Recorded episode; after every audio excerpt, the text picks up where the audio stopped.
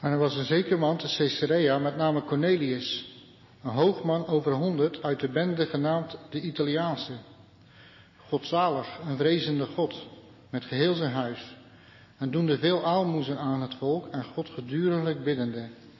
Deze zag in het gezicht klaarlijk, omtrent de negende uren des daags, een engel Gods tot hem inkomen, en tot hem zeggende, Cornelius. En hij de ogen op hem houdende en zeer bevreesd geworden zijnde, zeide, wat is het, heren? En hij zeide tot hem, uw gebeden en uw aalmoezen zijn tot gedachtenis opgekomen voor God. En nu, zend mannen naar Joppe en ontbiedt Simon, die toegenaamd wordt Petrus. Deze is de gast in het huis bij ene Simon, lederenbereider, die zijn huis heeft bij de zee.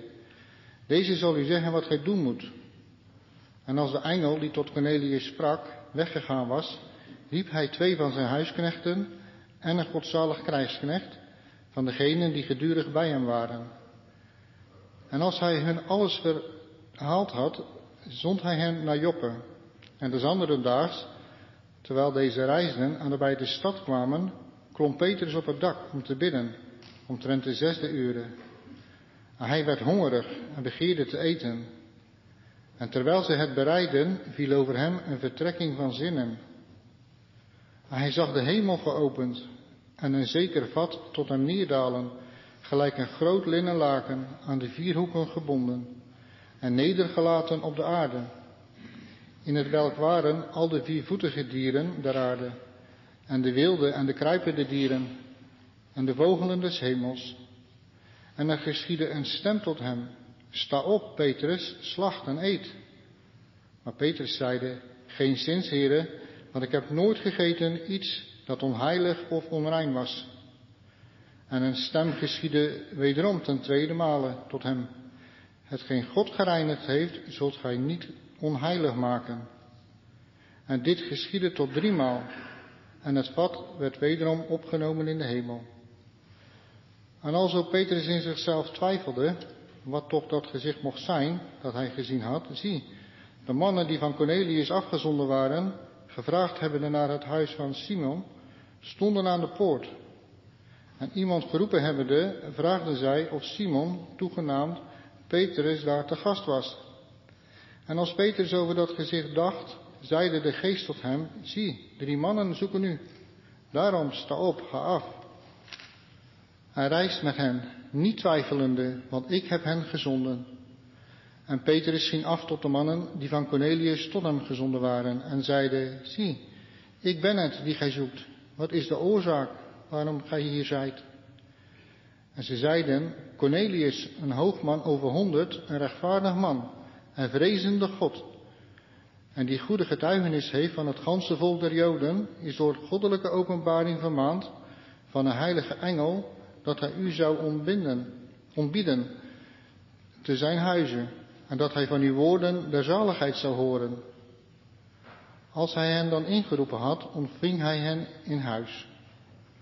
Op de volgende dag ging Petrus met hen heen. En sommige der broederen die van Joppe waren, gingen met hem.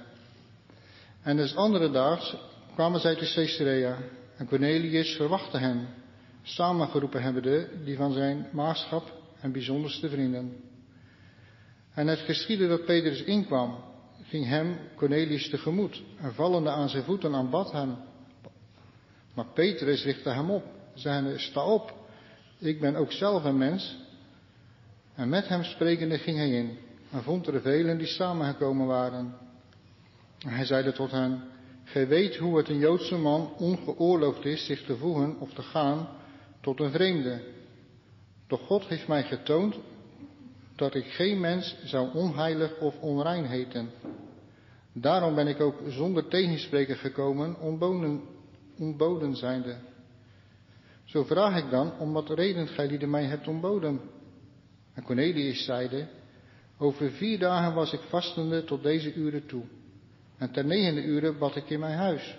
En zie, een man stond voor mij in blinkend kleed en zeide, Cornelius, uw gebed is verhoord. En uw aalmoezen zijn van God gedacht geworden. Zend dan naar Joppe en ontbiedt Simon, die toegenaamd wordt Petrus. Deze is de gast in het huis van Simon, de lederenbereider aan de zee, welke hier gekomen zijnde tot u spreken zal. Zo heb ik dan van stond aan tot u gezonden, en gij hebt wel gedaan dat gij hier gekomen zijt. Wij zijn dan allen nu hier tegenwoordig voor God, om te horen al hetgeen u van God bevolen is. En Petrus, de mond opendoende, zeide, ik verneem in de waarheid dat God geen aannemer der persoon is. Maar in alle volken is die hem vreest en gerechtigheid werkt, hem aangenaam. Dit is het woord dat hij gezonden heeft, de kinderen Israëls, verkondigende vrede door Jezus Christus. Deze is de Heere van allen. Gij lieden weet de zaak die geschied is door geheel Judea, beginnende van Galilea, na de doop, welke Johannes gepredikt heeft. Belangende Jezus van Nazareth, hoe hem God gezalfd heeft met de Heilige Geest en met kracht, welke het land doorgegaan is, goeddoende en genezende allen die van de duivel overweldigd waren, want God was met hem. En wij zijn getuigen van al hetgeen hij gedaan heeft, beide in het Joodse land en te Jeruzalem, welke zij gedood hebben, hem hangende aan een hout. Deze heeft God opgewekt ten derde dagen en gegeven dat hij openbaar zou worden. Niet al de volken, maar de getuigen die van God tevoren verkoren waren, ons namelijk, die met hem gegeten en gedronken hebben, nadat hij uit de doden opgestaan was. En heeft ons ontboden de volken te prediken en te betuigen dat hij is degene die van God verordineerd is, tot een rechter van levenden en doden. Deze geven getuigenis, al de profeten, dat een iegelijk die in hem gelooft, vergeving der zonden ontvangen zal door zijn naam. En als Petrus nog deze woorden sprak, viel de Heilige Geest op allen die het woord hoorden. En de gelovigen die uit de besnijdenis waren, zoveel als er met Petrus waren gekomen, ontzetten zich dat de gave des Heilige Geestes ook op de heidenen uitgestort werd. Want ze hoorden hen spreken met vreemde talen en God groot maken. Toen antwoordde Petrus, kan ook iemand het water weren, dat deze niet gedoopt zouden worden, welke de Heilige Geest ontvangen hebben, gelijk als ook wij? En hij beval dat ze zouden gedoopt worden in de naam des Heeren. Toen baden ze hem dat hij enige dagen bij hen wilde blijven. De apostelen nu en de broeders die in Judea waren, hebben gehoord dat ook de heidenen het woord Gods aangenomen hadden. En toen Petrus opgegaan was naar Jeruzalem, twisten tegen hem. Degenen die uit de besnijdenis waren, zeggende, gij zijt ingegaan tot mannen die de voorhuid hebben en hebt met hen gegeten. Maar Petrus, beginnende, verhaalde hen hun vervolgens, zeggende, ik was in de stad Joppe, binnende, en zag in een vertrekking van zinnen een gezicht, namelijk een zeker vat, gelijk een groot linnenlaken, neerdalende, bij de vier hoeken, nedergelaten uit de hemel, en hij kwam tot mij. Op welke laken, als ik ook de ogen hield, zo merkte ik op en zag ik viervoetige dieren der aarde, en de wilde en de kruipende dieren, en de vogels des hemels. En ik hoorde een stem die tot mij zei, sta op Petrus, slacht en eet. Maar ik zei, geen zins heren, want nooit is iets dat onheilig of onrein was in mijn mond ingegaan. Doch de stem antwoordde mij ten tweede male uit de hemel, hetgeen God gereinigd heeft, zult gij niet onheilig maken. En dit geschiedde tot driemaal. En alles werd wederom opgetrokken in de hemel. En zie, terzelfde uren stonden er drie mannen voor het huis waar ik in was.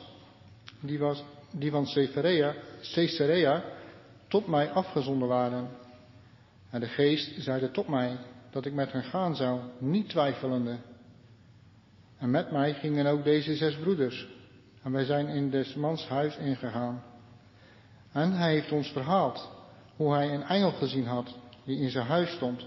En tot hem zeide, zend mannen naar Joppe en ontbiedt Simon, die toegenaamd is Petrus. Die woorden tot u zal spreken, door welke gij zalig zult worden en al uw huis. En als hij begon te spreken, viel de Heilige Geest op hen, gelijk ook op ons in het begin. En ik werd gedachtig aan het woord des Heeren, hoe hij zeide, Johannes doopte wel met water, maar gij lieden zult gedoopt worden met de Heilige Geest. Indien dan God hun even gelijke gaven gegeven heeft als ook ons, die in de Heer Jezus Christus geloof hebben, wie was ik toch die God kon weren?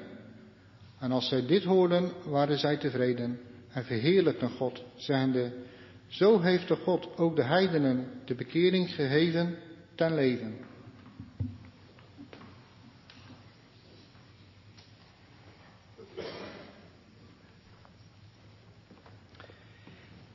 Zesenzestig verzen waren het. Zoveel heeft Lucas nodig om onze geschiedenis van de hoofdman Cornelius te vertellen. En dat hij er zoveel woorden aan besteedt, laat zien hoe belangrijk hij dit verhaal vindt. Het visioen van Cornelius. Het visioen wordt maar liefst in hoofdstuk 10 drie keer herhaald. Drie keer hetzelfde verhaal. Allemaal bedoeld om te onderstrepen hoe geweldig belangrijk eh, dit gebeuren is. En het is ook belangrijk gemeente, want in Handelingen 10, het hoofdstuk wat we net samen gelezen hebben, eh, zien we dat de Heilige Geest opnieuw, opnieuw een stap zet. Weet u nog, in Handelingen 8 zagen we hè, dat het evangelie naar de Samaritanen ging, dat was al een stap. Nu gaat het evangelie naar een Romein. De Heilige Geest zet opnieuw een stap. En het evangelie gaat naar de heiden. Cornelius is de eerste heiden, de eerste Romein die tot het geloof in de Heer Jezus komt. En het tweede wat we zien, en daarom is dit hoofdstuk ook heel belangrijk, we zien hier iets van de kracht van het evangelie. dat het evangelie van de Heer Jezus Christus in staat is om de kloof tussen mensen te dichten tussen Joden en Heidenen, dat weten we, er zat een hele grote kloof tussen. Mensen met een heel verschillende achtergrond, een heel verschillende cultuur. Ze keken op elkaar neer. Maar blijkbaar heeft het evangelie van de Heer het vermogen om mensen met heel verschillende achtergronden toch aan elkaar te verbinden. En dat doet het evangelie nog steeds. Ik herinner me dat ik jaren geleden voor mijn stage in Rotterdam een uh, dienst moest bijwonen in een internationale gemeente in Rotterdam. En dan zag je dat letterlijk voor je. Um, Ex-moslims uit het Midden-Oosten, mensen uit Afrika, mensen uit Azië, die samen naar dezelfde Bijbel luisterden, die samen dezelfde God beleden en prezen.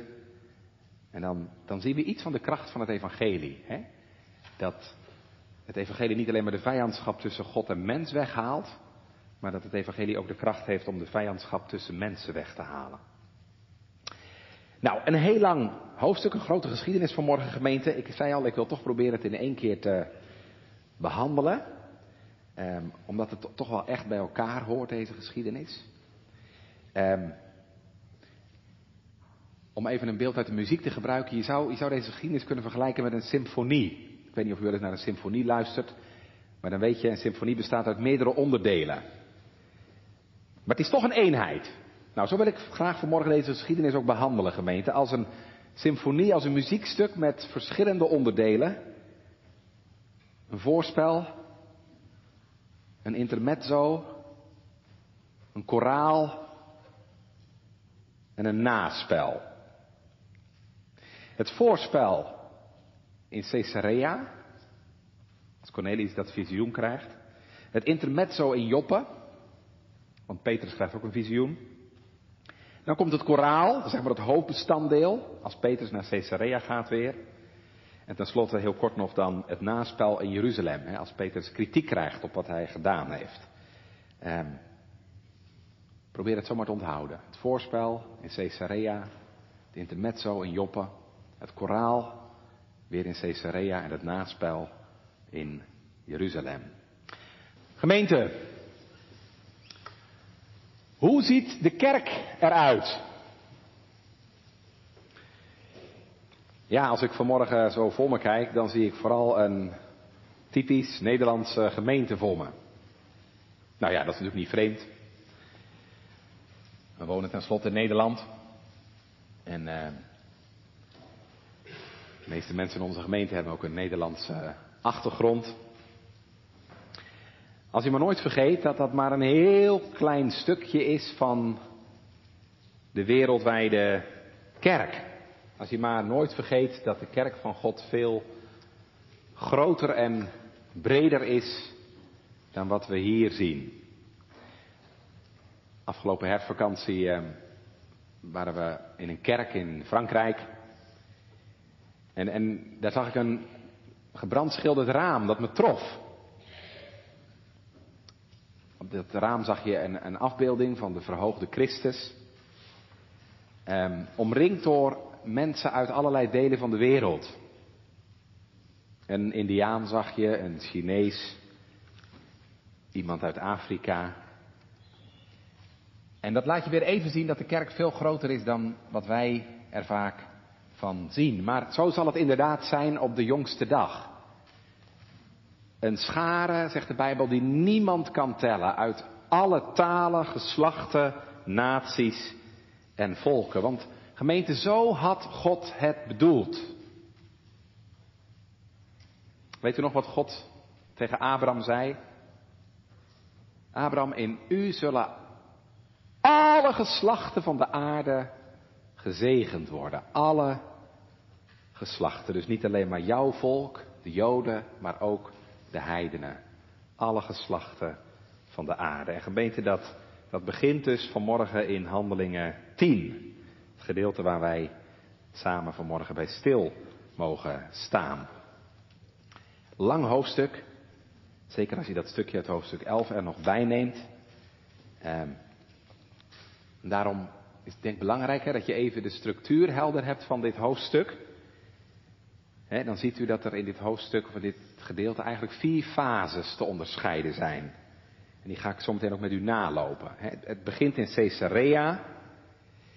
Dan krijgen we vervolgens een kijkje bij wat er bij Petrus gebeurt in Joppe. Vervolgens worden we weer meegenomen naar Caesarea.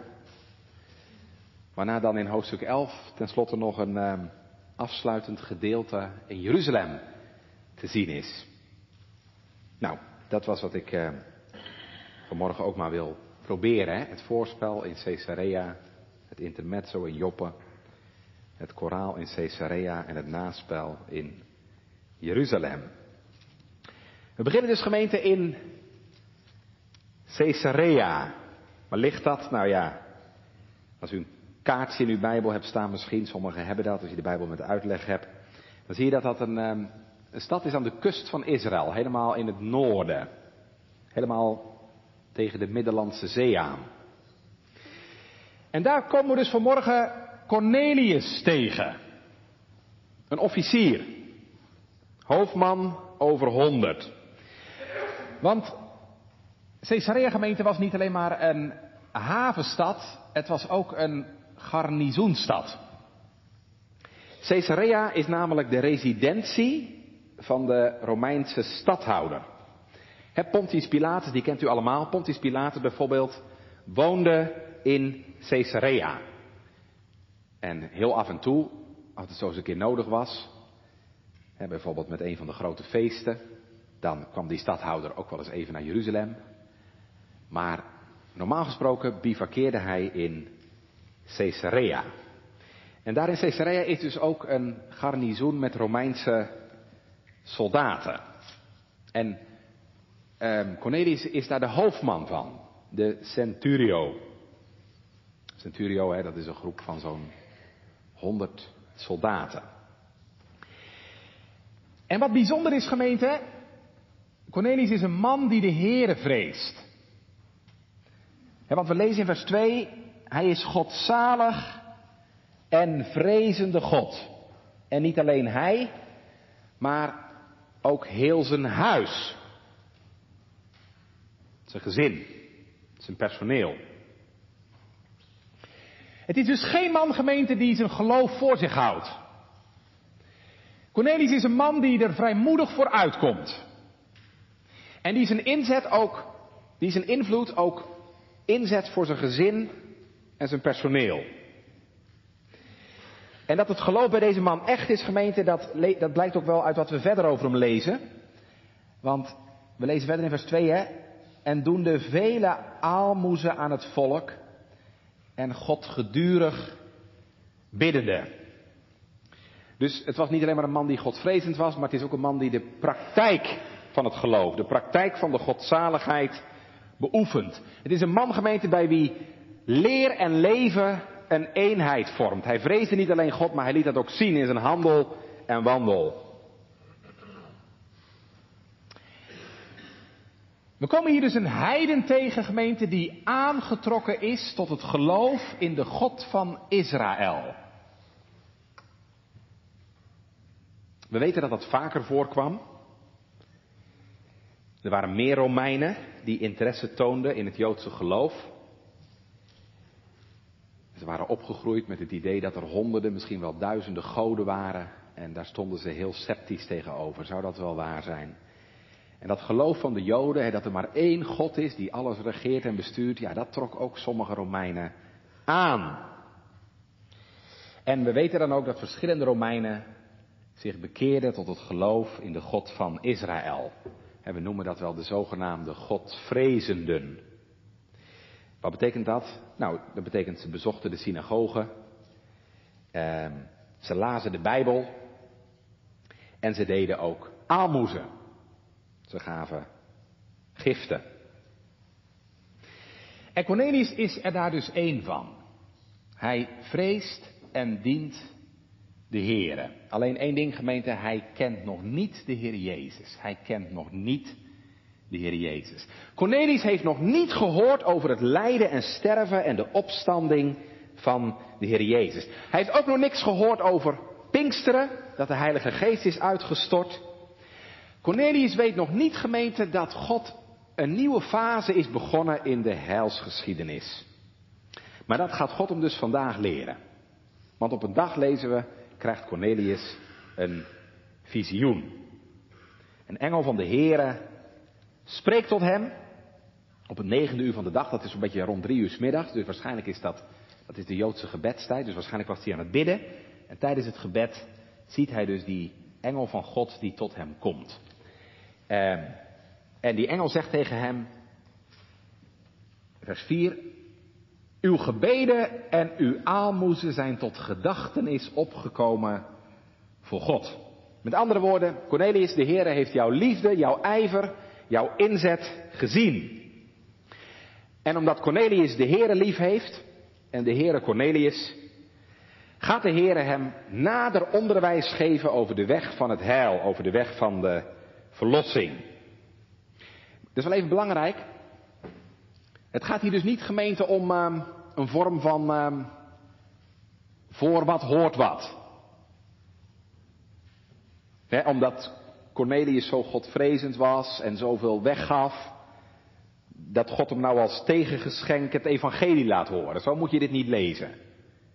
En wat ik zei net al, Cornelius was al iemand die de Heere lief had. Alleen, hij was nog niet op de hoogte van de grote dingen die God in Jeruzalem gedaan had. Cornelius leeft gemeente als het ware in een overgangsfase. En daarom moet hij het evangelie horen. Want u weet, zonder geloof in de Heer Jezus kun je niet zalig worden. Ook Cornelius niet. al was hij dan Godvrezend, het was alleen door het geloof in de Heer Jezus dat ook Cornelius behouden kon worden en vergeving van zijn zonde kon ontvangen. Anders had de Heer daar niet zoveel moeite voor gedaan. Denk je wel? Het feit dat God er zoveel moeite voor doet en die engel zendt en zometeen Petrus stuurt. Dat laat heel duidelijk zien dat ook Cornelius alleen door het geloof in Jezus Christus behouden kan worden. En gemeente, dat is natuurlijk vandaag niet anders. Jij en ik, jij en ik, wij kunnen alleen behouden worden als we met een hartelijk en waar geloof ons vertrouwen stellen op de Heer Jezus tot vergeving van onze zonden. Dat doet God niet omdat je toevallig gedoopt bent, of omdat je elke zondag naar de kerk komt, of in de Bijbel leest, want dat deed Cornelius ook allemaal. Maar wij kunnen alleen behouden worden door het geloof in de Heer Jezus Christus. En vandaar dat de engel zegt, lees even mee vers 5 en 6, en nu zendt mannen naar Joppe en ontbiedt Simon, die toegenaamd wordt Petrus. Deze ligt te huis bij ene Simon, een ledenbereider die zijn huis heeft bij de zee. Deze zal u zeggen wat gij doen moet. Nou, Cornelius doet dat, hè. Hij stuurt uh, twee van zijn knechten en een godsvrezende soldaat op pad naar Joppe. En dan komen we dus bij de tweede scène van morgen. Want Lucas bepaalt ons vervolgens bij een intermezzo in Joppe. Weet u nog dat we de laatste keer Petrus daar hadden achtergelaten? De laatste keer, een aantal weken geleden, heb ik toen gepreekt over de opwekking van Dorcas. En Petrus ging toen naar Joppe toe om uh, Tabitha, om Dorcas uit de dood op te wekken. Nou, daar was hij nog steeds. Hij logeerde bij uh, Simon de ledenbereider. En daar treffen hem dus vanmorgen aan. Dus moet je even zo voorstellen, terwijl die knechten, die soldaten van Cornelius onderweg zijn, van Caesarea naar Joppe, dat is een kilometer of vijftig naar beneden, um, gebeurt er in Joppe ook iets. Want Petrus krijgt ook een visioen. Hij zit rond twaalf uur te wachten op het eten. Dat heb je vast ook wel eens, hè? zo rond twaalf uur, dan krijg je trek, krijg je honger. Hij zit te wachten dat het eten klaar gemaakt wordt. En terwijl hij zo zit te wachten, gemeente, ziet hij een visioen. Een, een groot laken. Een groot doek. Aan vier punten vastgehouden worden. Aan vier punten vastgehouden. Daalt uit de hemel neer. En dan ontstaat er inderdaad een soort, ja, een soort vat. Hè, zo staat het er ook. Een vat. En als Petrus dan in dat vat, in dat doek kijkt, dan ziet hij allemaal dieren, allerlei soorten dieren. Vogels, viervoetige dieren.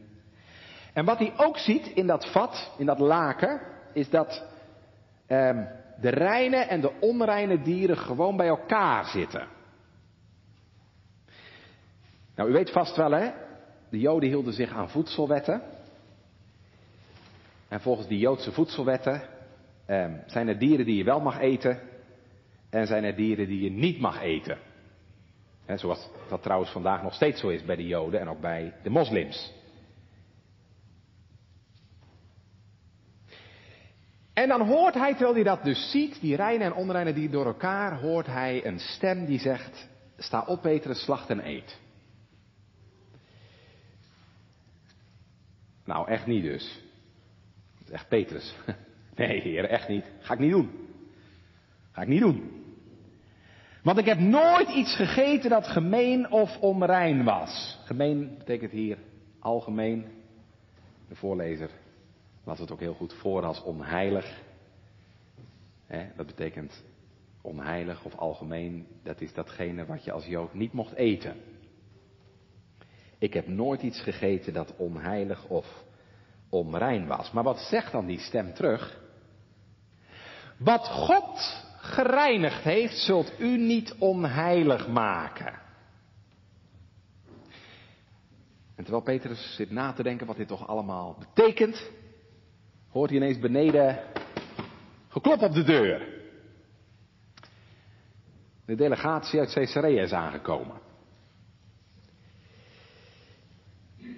Terwijl Petrus zich nog steeds suf zit te praktiseren wat dat visioen nou toch mag betekenen, spreekt de Heer Jezus heel duidelijk in zijn hart. Zie, drie mannen zoeken u. Daarom sta op, ga af en reis met hen, niet twijfelende, want ik heb hen gezonden. Ja, gemeente, wat betekent dit? Wat is de betekenis van dit visioen?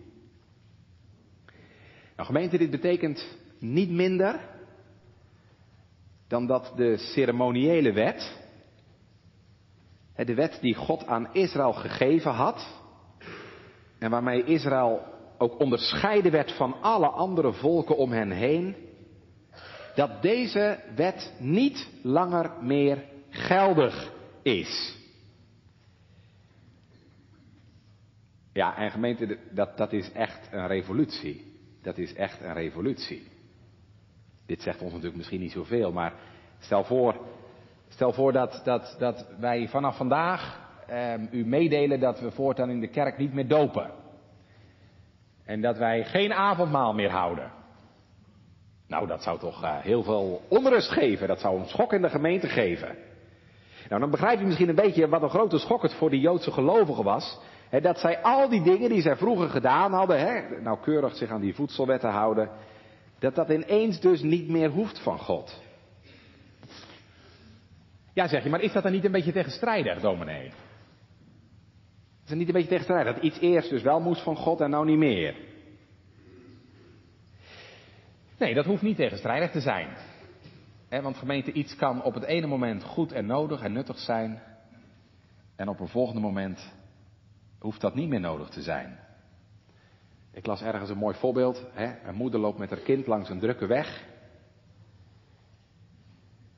En op het ene moment roept ze stop.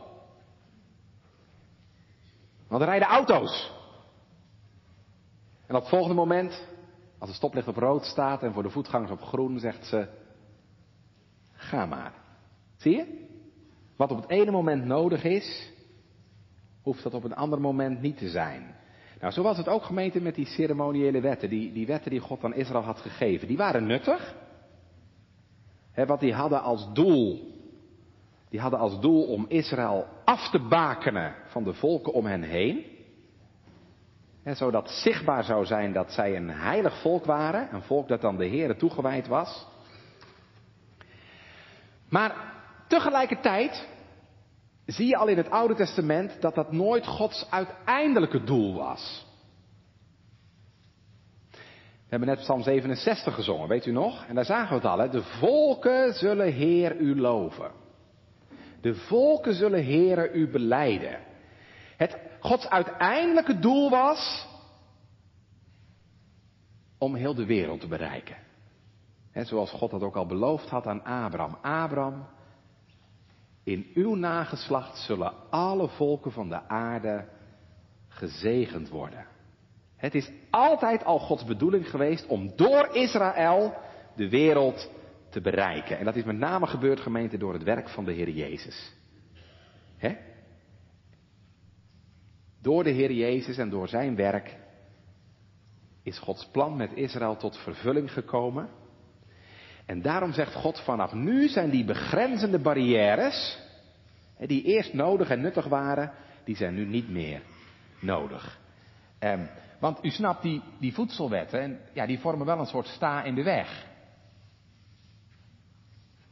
Die zorgden voor afstand tussen Israël en de volken om hen heen. Die zorgden voor afstand tussen Joden en heidenen. En daarom moeten die obstakels, die moeten nu weg. Want het evangelie, dat moet de wereld in. Daarom zie je dat al die dingen die vroeger belangrijk waren, de voedselwetten en straks ook de besnijdenis, dat dat niet meer nodig is voor heidenen die in Jezus gaan geloven. Nou, dat even als uitleg, als achtergrond. Petrus gaat mee. Twijfel niet, zegt de Heer, ik heb ze gezonden. En zo komt hij de volgende dag in Caesarea aan. En dat brengt ons gemeente dus weer terug in Caesarea. Dat is de derde episode. En ook de belangrijkste. Ik zei dat is het koraal. Het koraal van het muziekstuk. Ehm, en dan wil ik met name, ik kan er heel veel over zeggen, maar dat moet natuurlijk om de tijd ook denken. Ik wil er met name even met u stilstaan en kijken naar die toespraak van Petrus. En dan zijn er twee dingen die daarin opvallen. En die wil ik er ook even uitlichten. Het eerste is de verklaring die Petrus geeft, waarom hij is meegekomen en waarom hij tegen zijn gewoonte in het huis van een heide binnenstapt. Dat is de eerste, de verklaring die hij geeft. En de tweede, waar we even naar kijken, is de verkondiging die hij doet. Want hij gaat deze mensen het evangelie verkondigen. Hij gaat hen vertellen over de Heer Jezus. Als Petrus bij Cornelius in huis komt, en dan is het daar heel druk, want Cornelius heeft ook allerlei familie en vrienden uitgenodigd. Eh, zie je dat Petrus het woord neemt. En dan begint hij, kijkt even mee met een opvallende verklaring, vers 28. En hij zei tot hen, gij weet hoe het een Joodse man niet geoorloofd is zich te voegen of te gaan tot een vreemde, tot een heiden. Doch God heeft mij getoond dat ik geen mens zou onheilig of onrein heten. Ik zei al, het was niet gebruikelijk voor een Jood om het huis van een heide binnen te gaan.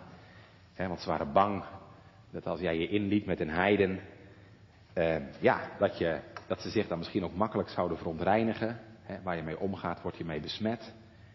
Zeg maar eens nee. Als je een lekker stukje varkensvlees krijgt aangeboden. dat is best lastig dan.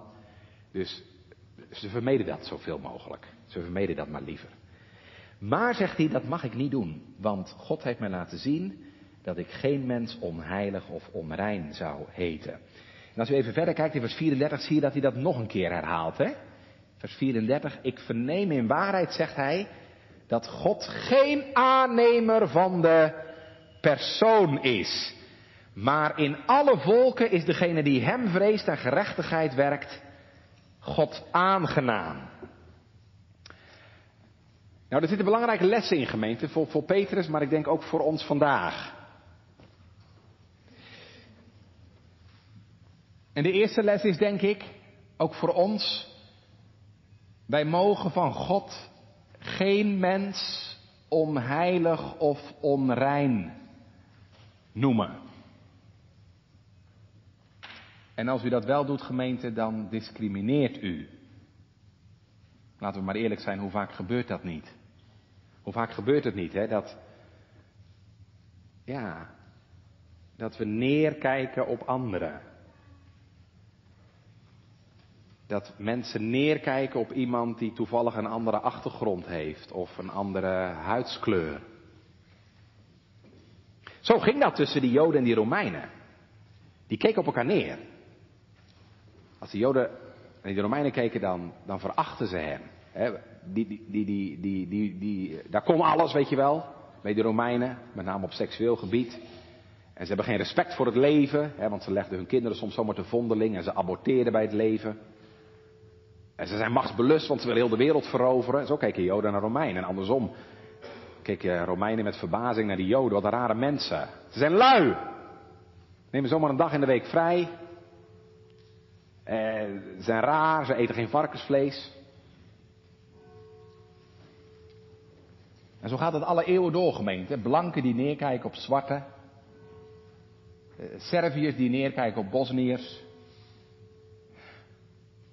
Maar dat mogen we dus niet doen. Wij mogen niemand onheilig of onrein noemen. Waarom niet? Dat doet God ook niet. Dat doet God ook niet. En dat is het tweede wat we hier leren. Vers 34, hè? Er is bij God geen aanneming van de persoon. God neemt mensen niet aan vanwege hun huidskleur, vanwege hun talenten, vanwege hun IQ. Want als je dat wel denkt, gemeente, dan zoek je dus iets in de mens.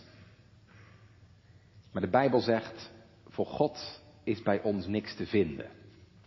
het enige wat de Heer bij jou en mij vindt zijn zonden of je nou blank bent of bruin, of je nou man bent of vrouw, of je nou Jood bent of heiden, of je nou in Amsterdam woont of in Arnhemuiden.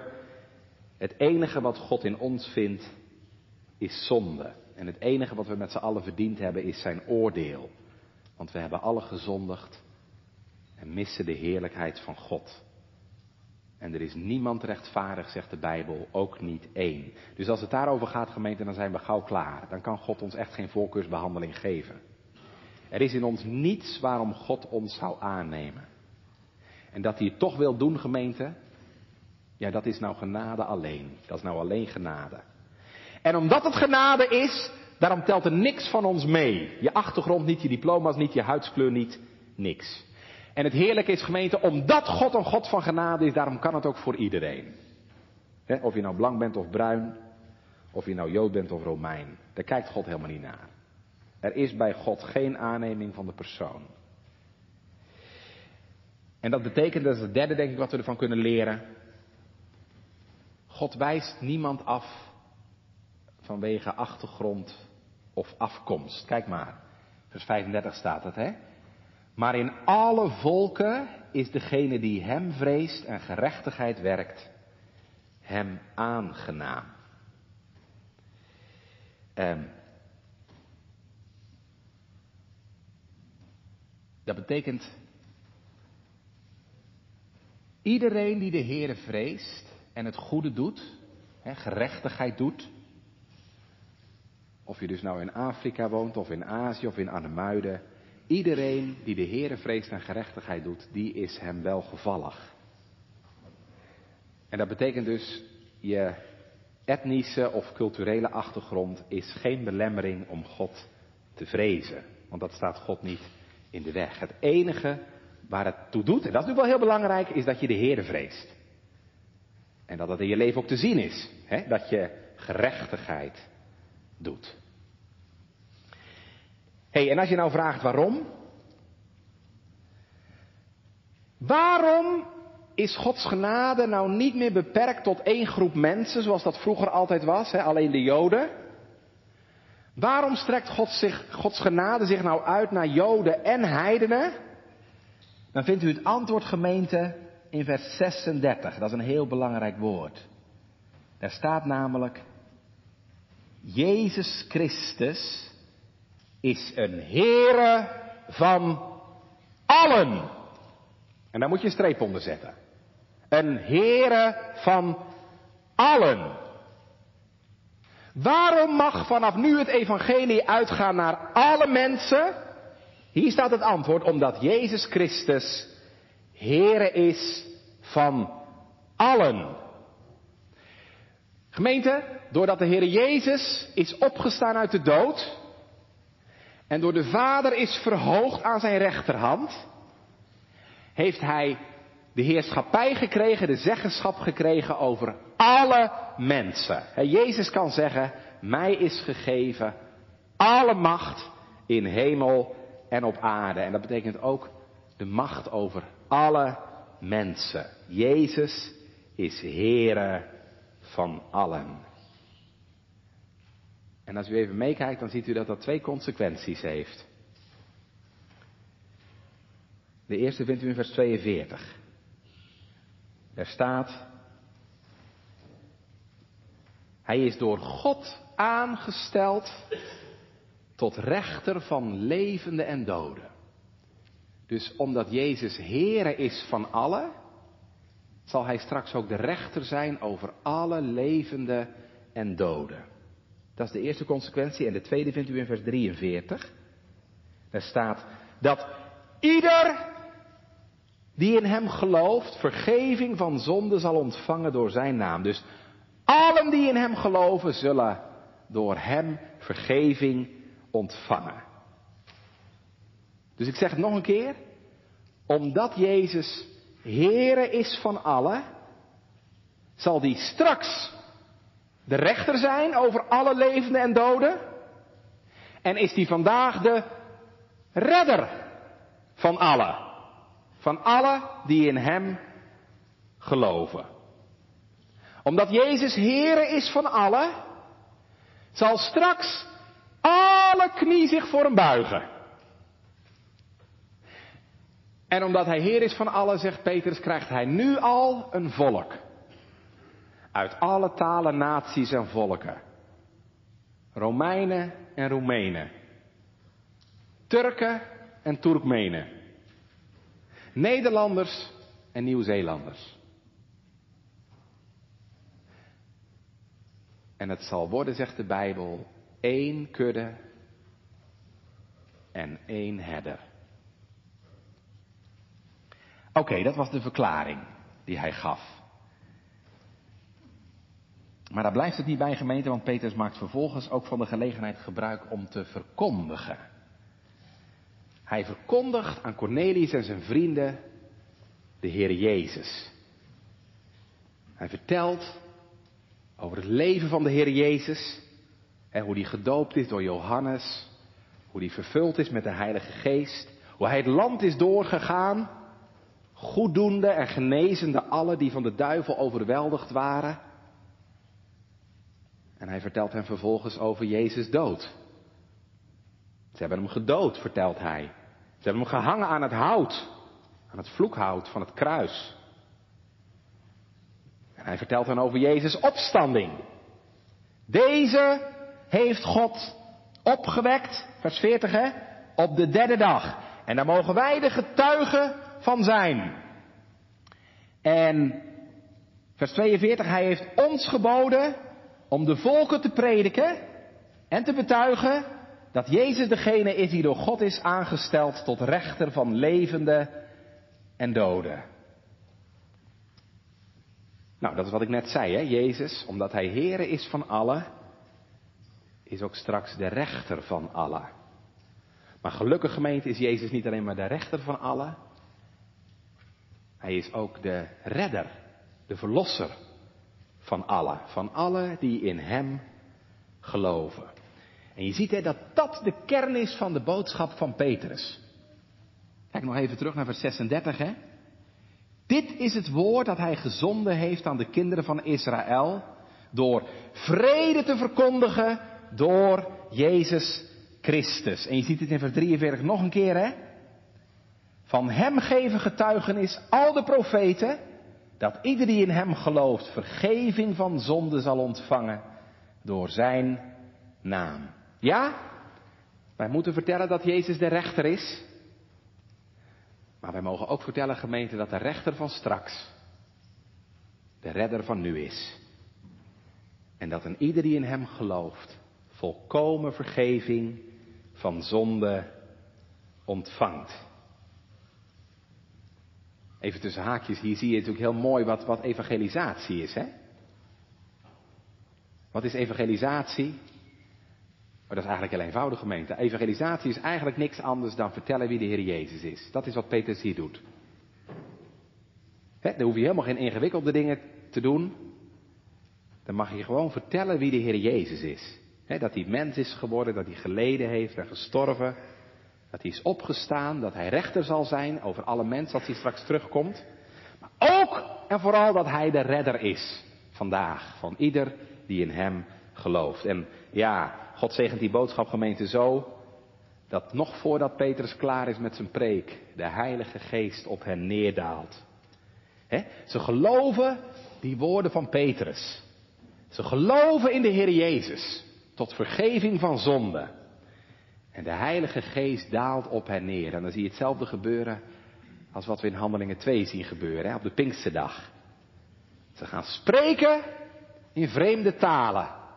En ze gaan de Here groot maken. Ze spreken over de grote daden van God. Dat is bijzonder, hè? Want je ziet dus precies hetzelfde wat in Jeruzalem gebeurde, gebeurt nu ook bij heidenen in Caesarea.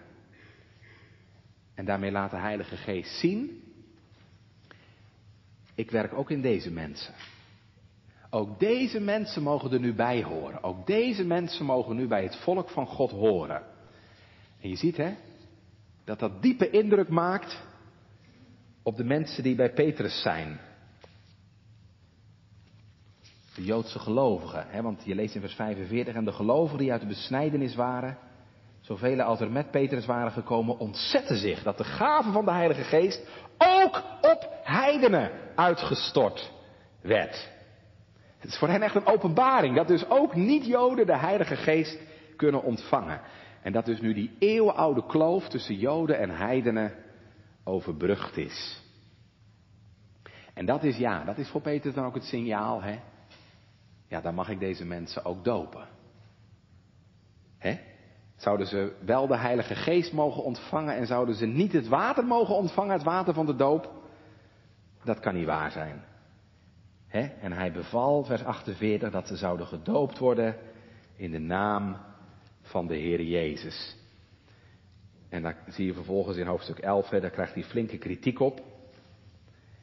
Want als hij dan terugkomt in Jeruzalem, dat is het laatste wat we vanmorgen zien, als hij dan terugkomt in Jeruzalem, en dan krijgt hij de wind van voren, hè, want ze zeggen tegen hem, vers 3, u bent ingegaan tot mannen die de vooruit hebben, dus tot onbesneden mannen, en u hebt met hen gegeten ze willen dus nog vasthouden aan die oude grenzen. Maar dat kan niet meer. want wij hebben al gezien, de Heilige Geest heeft de grenzen verlegd. Dan gaat Peter nog een keer dat hele verhaal vertellen van dat visioen wat hij gehad heeft. En dat hij niet anders kon dan ook deze mensen het teken van de doop geven. Lees nog even mee, vers 17.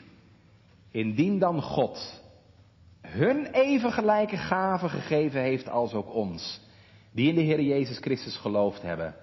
Wie was ik toch die God kon tegenhouden, die God kon weren? Ja, en dat maakt indruk. want dan zien ze in, ja inderdaad, als,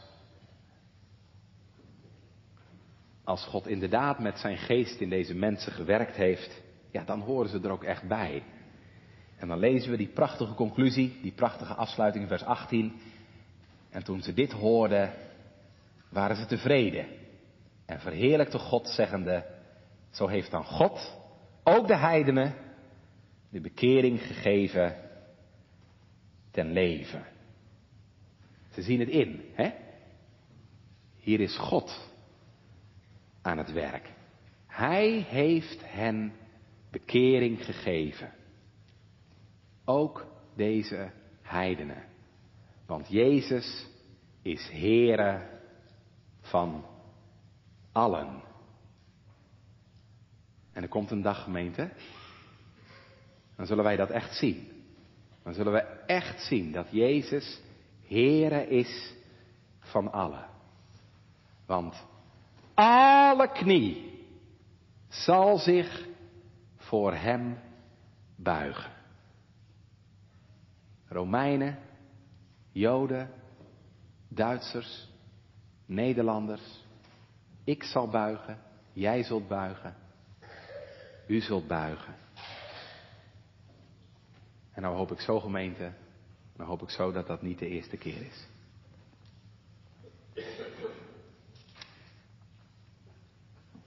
Ik hoop zo gemeente dat die Heere van allen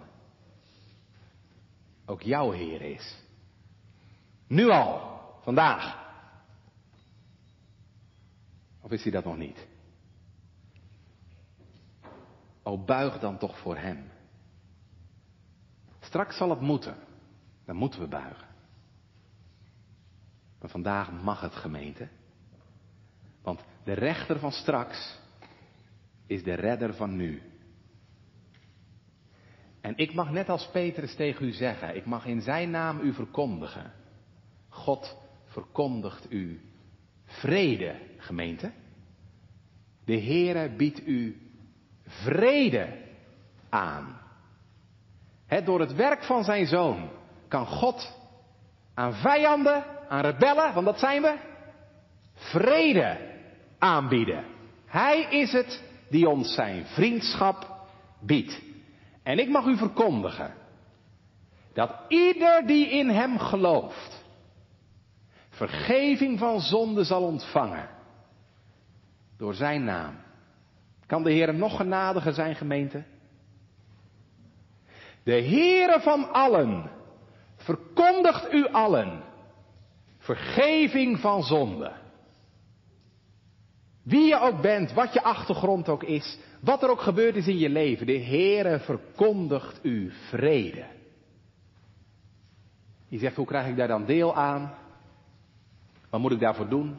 Daar moet u niks voor doen. Er staat, en ieder die in hem gelooft.